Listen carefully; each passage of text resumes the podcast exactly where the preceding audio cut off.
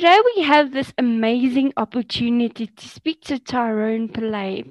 Welcome to the show, Tyrone. Hey, Audrey. Thank you for having me. Oh, I have to say that you've been on my radar since I've been swimming or since I did swimming. And uh, we kind of know a lot about each other, wouldn't you say? Well, actually, funny enough, I was sitting in the stands watching you swimming. Uh, it was the Olympic trials in Durban, if I'm not mistaken. Yes. And I still remember watching you, and I was so amazed by the fact that you could swim and I could not swim. So you don't know the story, but yeah. I enrolled for swimming lessons not even a week after watching you swim in the swimming pool. And 12 weeks later, I learned how to swim. So you Oh. served as my inspiration to learn how to swim. Okay, I did not know that. Uh, it's pretty wow. Um, the reason why I got to know a bit more about you is through Ice Express and Jan Snyder's, and um, I know all the marketing and things you do for them as well. And Yeah. when you think of what what's it called again? Step Up 500 Challenge. That was Yes, amazing. I I'm really tuning to see what's happening there. Can you tell us a Yeah. bit more about that before I ask you in-depth questions? Yeah, so obviously, as as a young boy, I was blessed because my parents were able to get me prosthetic limbs from the time I was ten months old. So I figured I need to do something to give back to the community in some way, Yes. and um, I thought, why don't I do something out there, something that breaks the mold? And I, because I'm afraid of heights, I figured let's run Yes, up Moses Mabhida. Stadium. And by running up the stadium, every step I take, you know, I can raise some money. And so happened we managed to raise money for jumping kids yes. through Step Up 500, which was an organization that I initially set up. Um, of recent, obviously, I do a lot of work with jumping kids to try and get them funding, to try and get prosthetic limbs for these kids. I just believe so much in it. I mean, if you look at where some of the kids were before jumping kids to where they're at now, it's massive. Yeah. Take Ntando, for example, many others, their, their lives have changed dramatically. And I see the benefit of prosthetic legs. It gives you mobility, it gives you freedom, it gives you choice, it gives you so much. No, it And- gives you and that's one of the quality of reasons why- life. Yeah. Exactly, exactly. And I think people don't understand it. Um, I mean, I, I lived with it all my life. I'm 41 years old now. So you imagine I've been using Mm. prosthetic legs from the age of, of 10 months. So Yeah. effectively, 41 years of my life, I've been having prosthetic legs. And uh, I've seen the massive difference in me. I went to normal schooling, I went to university, got to compete for South Africa, got to do all the things that I ever wanted to. So that's why I'm saying, you know, we shouldn't be limited. So this uh, amazing opportunity is through Jumping Kids, where we can get kids fitted, help them out to get to where they want to be. Oh, that's that's really amazing. Tyrone, would you mind going back to history and explaining to me why you needed a prosthetic at the age of 10 months and yeah, what's your disability type? So obviously, uh, when I was uh, delivered, nobody knew that I had a, any sort of disability because I'm so old now that you didn't even know back then, like how you have fancy scans now to pick up when there's something wrong with the kid. My parents didn't even know it until I was delivered. And that's when we saw that there was a limb, uh, a limb discrepancy between my left and right leg. I think Mm, my left leg uh, is not fully formed from my mid thigh down. And uh, my leg is around about maybe 25, 30 centimeters shorter than my right leg. yes. There's no full muscle development as well. Um, and I don't have all my toes. I don't have a fully formed foot. So I have, um, in, in layman's terms, a uh, underdeveloped foot, you know, so it hasn't really developed all that much, thus uh, requiring a prosthetic leg to allow me to walk and to get around and to be active. So that's pretty much my disability. Um, as far as um, my athletics and stuff like that, I think um I was an active kid from from the time I was born. I think uh, the mere fact that I was walking at 10 months old will tell you that I was meant to be a sportsman. I played I played cricket for almost 14 years, able-bodied cricket, and then I got into para sport, para athletics in, in, in particular, from around about 2009. Okay, yeah. So we we want to know from Radio South Africa, um, in what sport do you compete in, and when did you really start competing, and when did it really go like elite for you? So obviously, I started competing in 2009 uh, after I watched the Beijing Paralympic Games, and I realized this would be something that I'd like to do. So obviously, got involved, started starting competing from there. I, I generally started off doing discus. Discus was my main event. Uh, okay. Discus, shot put, javelin. Obviously, those were the three. I dropped javelin almost immediately because I realized I'm not that technical to do javelin.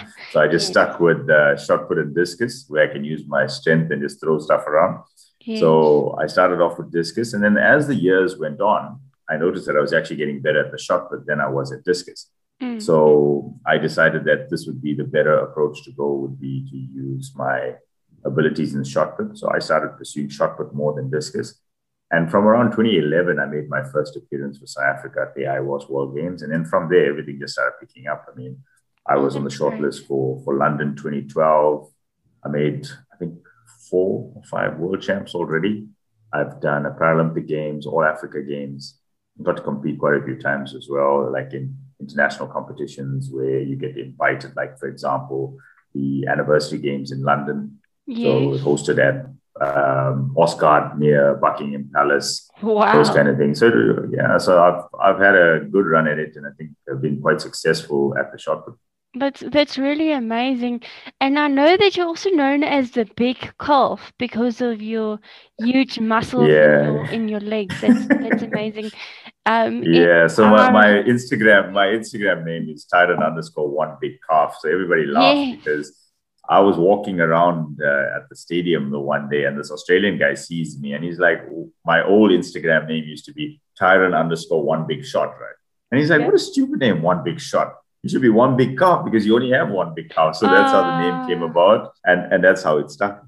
I think uh, the, the upgrade with the name was really good.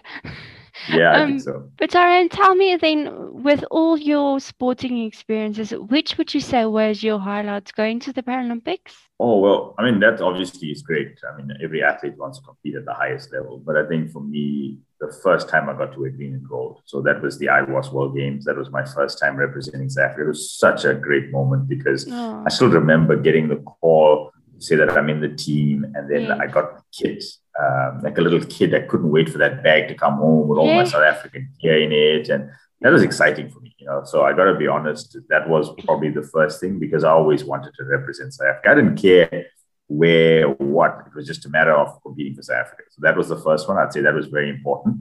Then obviously Rio, without a doubt, Rio stands out because of okay. so many reasons. It's the highest platform that you can compete at. Yes. Winning the medal in Rio as well was obviously the, the bonus for me because I never set out to win a medal. I just wanted to go compete be the best that I can be and yeah, enjoy myself. That was the most important thing. And that's exactly what I did. And the bonus was winning the medal. I think I think it's really amazing story. You and I both know it's not as easy to make the team. With Olympics you qualify and you go immediately. With you and I, we have to make a short list and then the main list yeah. the Paralympics. And if I'm corrected, both you and I made the short list for London, but we didn't go. Am yes. I correct? Yes. So right.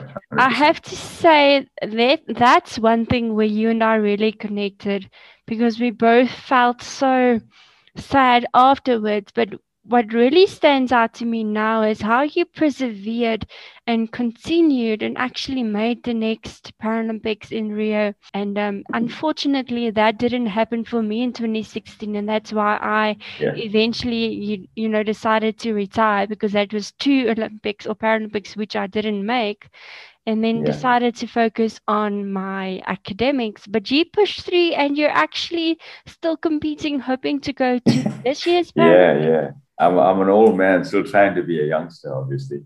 Uh, I love it. I, I won't lie to you. I, will never change this for anything. I, I love the adrenaline that comes out of competing. I love the fact that you go out there and you leave everything on the field. You know, I, I can't imagine my life without sport, to be honest with you.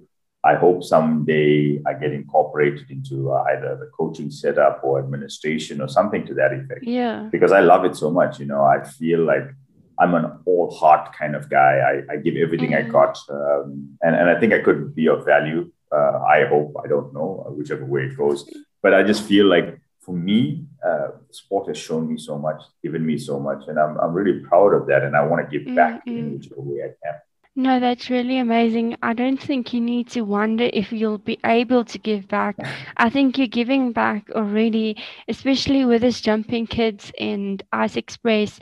You're a role model to other people in the world where you show them that nothing in the world gets you down and you train your hardest because so many yeah. times people think that things like this just fall off from a tree but it's because of perseverance and hard work that you really succeed and tell us about this 100%. exercise program Tyrone because you it looks in, intense when I yeah. look at it on uh, Facebook uh, and Instagram yeah I'm, I'm a bit in, intense when it comes to my training I love it I love it so much that I'm all in. Um, so I train six days a week, uh, a total of six hours a day, depending on, wow. on the different days and what I'm doing. So, for example, uh, weightlifting to being at the track, working on technical stuff.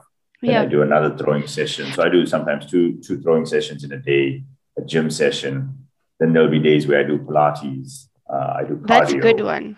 Uh, yeah, so I, I, do a lot of stuff, and then obviously my recovery sessions, physio, those kind of things are also important. Uh, as you're getting older, it becomes a lot harder. It's not as easy as when you're younger. So you know you've got to like realize where your body's at, what you need to do, those kind of things. So I, I've been working really hard on trying to stay fit, trying to be healthy, all the things we need to be to compete at this level. And uh, like I said, uh, I say to people like if Roger Federer can still be playing tennis, what's my excuse not to be competing? Exactly. So that's why I just keep going. That's awesome. So how much do you bench press, if, if I may ask?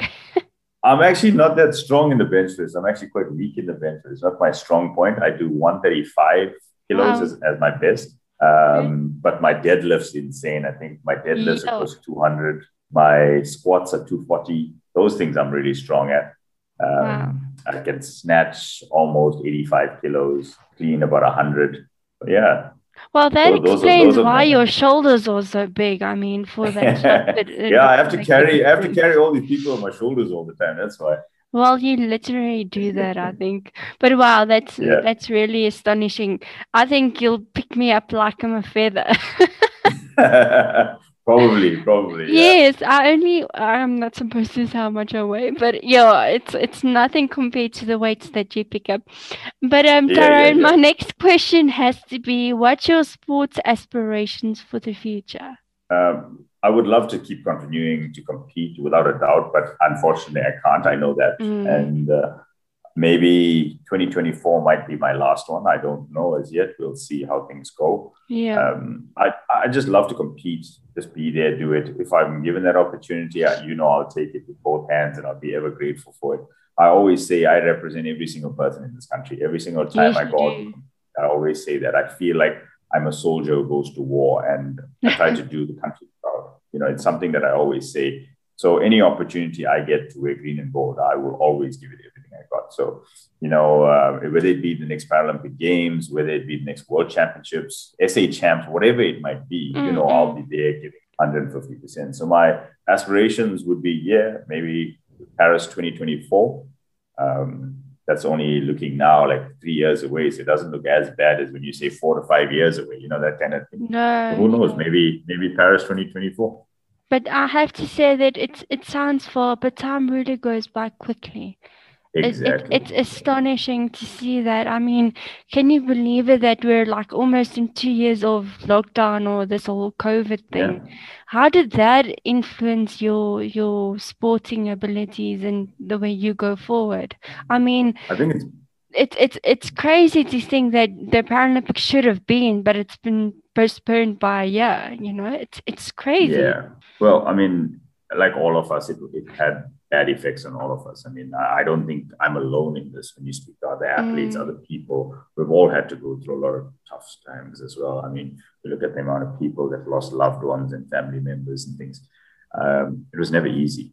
Uh, yeah. I think mentally, I, I, I struggled a bit after the first five weeks of lockdown because it was really good the first five weeks. You know, all these silly little challenges and training out of your garage and so on and so on. And then when the reality hits you that this games could be postponed, you're not able to do things that you normally would do, everything starts to ride home really hard. And I think that's what mm. got to me. Mm. I was getting to a point where I was just so negative. I just didn't feel it. I wasn't positive because I haven't, I live in an apartment, so I couldn't exactly go out and train. I had to stay indoors the whole time. Yeah. So it's not like like guys who had a house who could go out, do some training, do some throwing of shot put, whatever it might be, you know, that kind mm-hmm. of stuff. Mm. I was stuck in an apartment which is on the eighth floor, which is virtually impossible to do any shot put yeah. out of this window. Um, but my point is, it it was challenging. And the one thing I remember my psychologist always says is we focus on what we can control and not on what we can't. So this was an uncontrollable to me, and I just spent my energy focusing on what I can. Yes, that, that makes complete sense to me. Um, but thank you for sharing that. I think in this world, it, it's good to know that athletes like you and me go through bad and difficult times, but it's pushing through and actually accepting those times that makes you stronger, don't you say? 100%. 100%. You know, uh, one of the things that I noticed and, and I learned personally is that people don't want to show their weaknesses. Mm. And one of the things is we need to show people that we are stronger together.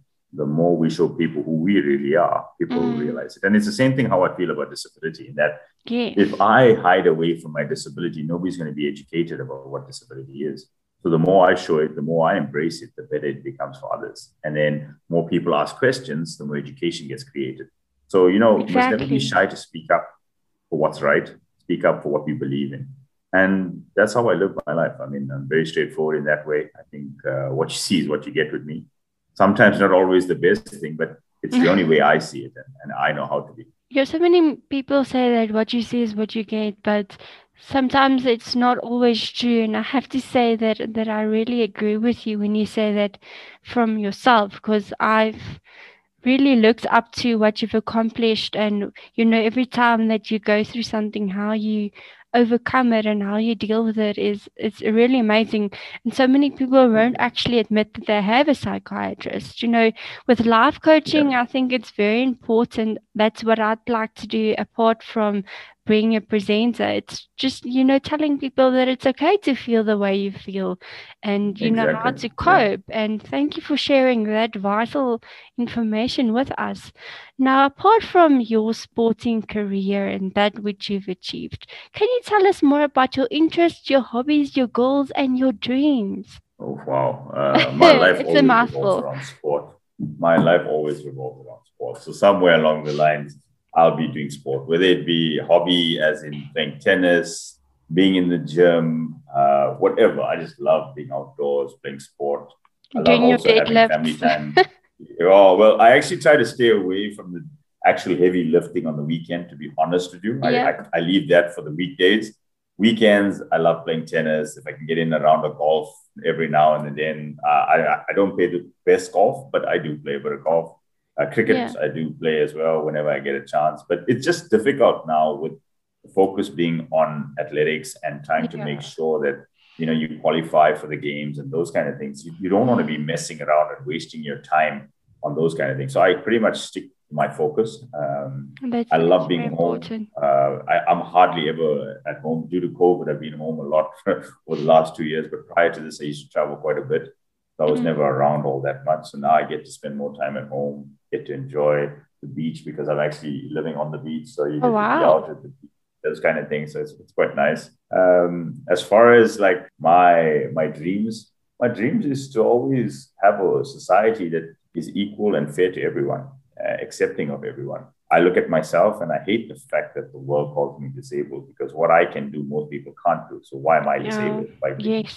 able to do. So I always say to people, my disability is my ability to show the world inspire and motivate people to be better. So I think, you know, I want to have that message as my way going forward is that it's okay to be different. It's okay not to be normal as the world calls it. I mean, I get mm. asked that question all the time. How does it feel not to be normal? I think normal is overrated personally. And no, uh, I love being I think. And, and I think who I am today is because I've embraced who I am and I've accepted God gave me this as a gift to inspire and motivate other people to believe in themselves as well. Wow. So as long as I'm doing those things, I've achieved my goals and my dreams in life. That's it's well said. Thank you so much, Tyrone. I just have to agree with you to say that I think our disability is something that you can visually see quickly, but no one's perfect. Everyone has that something that they're battling with and you know that they really need to address or cope with. And um, for us, it's something physical, but for other people, it might be more mental or more, more emotional.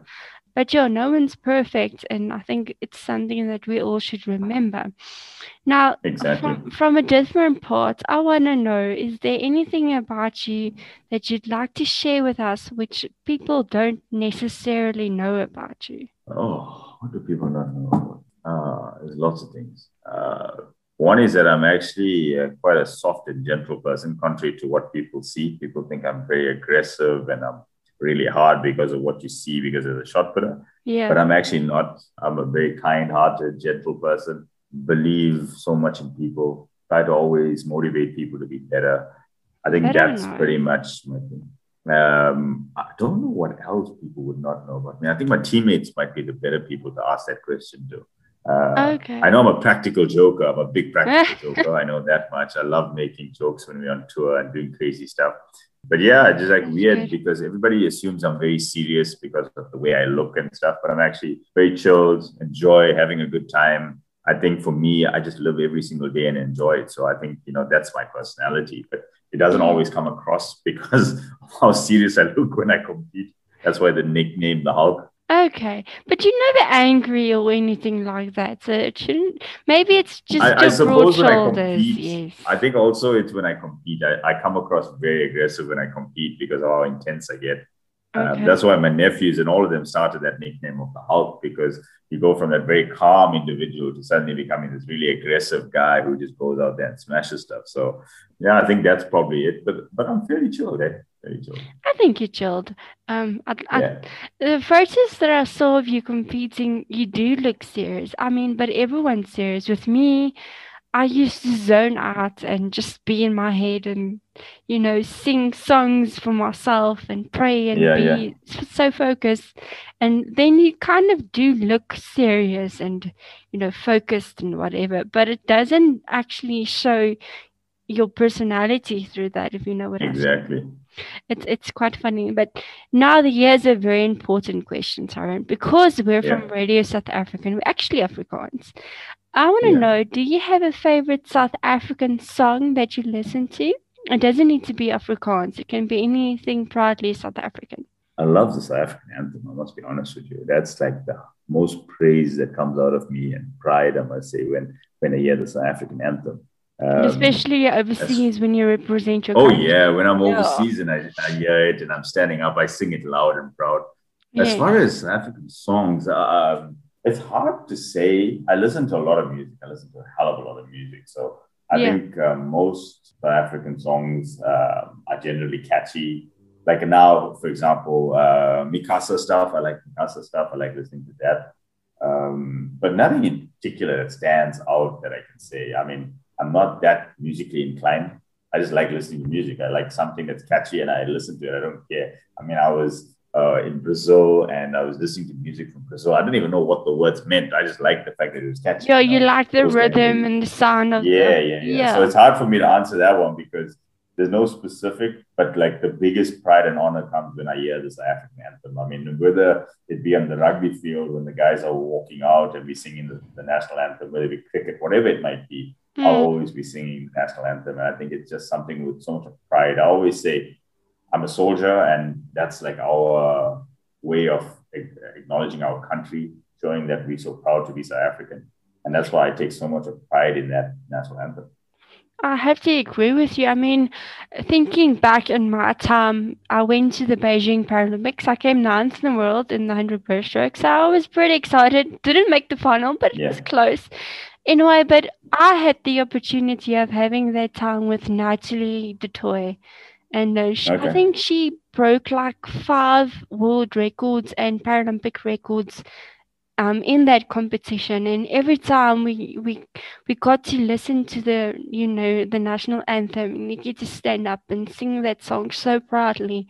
And um, so I have to relate to what you said with that. It just yeah, gives you yeah. goosebumps because it's your country. It's yeah, it's just everything that you've worked for. So it's not exactly me on the podium, but it's my country, you know?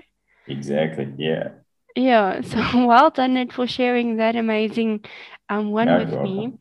Um, you have said something about this earlier, but I wanted to ask you this question again. Can you give someone a message of hope um, for them to pursue their passions or their dreams, what would you say to someone um, that needs a bit of inspiration? You know, for me, I've always said, always believe in your dreams. You know, dreams do come true. So, for example, if I look at myself, I always dreamt as a little boy one day I was going to compete for South Africa. I didn't know what sport, I didn't understand where it was going to happen. I didn't know whether it was going to be Paralympics, Olympics, whatever it might be. Mm-hmm. But 33 years later, I stood on the podium in Rio winning a medal for South Africa. So the message that I want to say is that always believe in your dreams, work hard towards them, and don't let anyone stop you from dreaming. You know, once that dream dies, you die. Keep that dream going. And, and like I'm saying, you're never too old. You can keep doing it. You can always mm. uh, inspire to do whatever it might be. It's not only sport that I'm referring to. Mm. If you decide that you want to a dream of having a holiday overseas, for example, work towards it. You know, you have to save the money to do that. You know, mm. you hmm. have to put time aside, whatever it might be, but do the things that you need to work hard towards it. You mm. know, set a plan in place. And and I think you know what you'll achieve any goal if you plan it, you execute it well, those kind of things. I know it sounds very business-like, but that's the reality behind it. You know, mm. don't ever give up on your dreams because dreams do come true. Oh, thank you, Tara, and I have to agree with it. And thank you so much for that message. On behalf of Radio South Africa, Radio South Africa, thank you so much for this amazing interview. And uh, we really do appreciate it. No, thank you. I, w- I would say bye, donkey. And uh, apparently, my oh. Afrikaans is not the best. So, so I'm gonna. I, I think that's the best you're gonna get out of me as far as Afrikaans is concerned. Okay, can you try this one for me? Um, okay. My naam is Tyrone Pillay en jy luister nou na Radio Suid-Afrika. My naam is Tyrone Pillay. Jy luister na Radio South Africa. That's nice, better? but you said that Radio South Africa in in English. but done. thank you, thank you, thank you. Um, I really I'll, I'll work on it. I'll work on it the next time you interview me, right? Yes, it sounds good. I'll, I'll use you as a stinger. Um, okay. It's it's like in your program when you like just want to make the people attend that you're actually still listening to my program. Mine is called um jy luister tans na the afternoon drive show so met Audrey Visser yeah. waar niks onmoontlik is nie. So in the beginning I'm like, oh, I can't get these words in my head. so really, so thank you so much, Tyrone. No problem. Thanks. Eh? You take care. You too. Bye. Bye.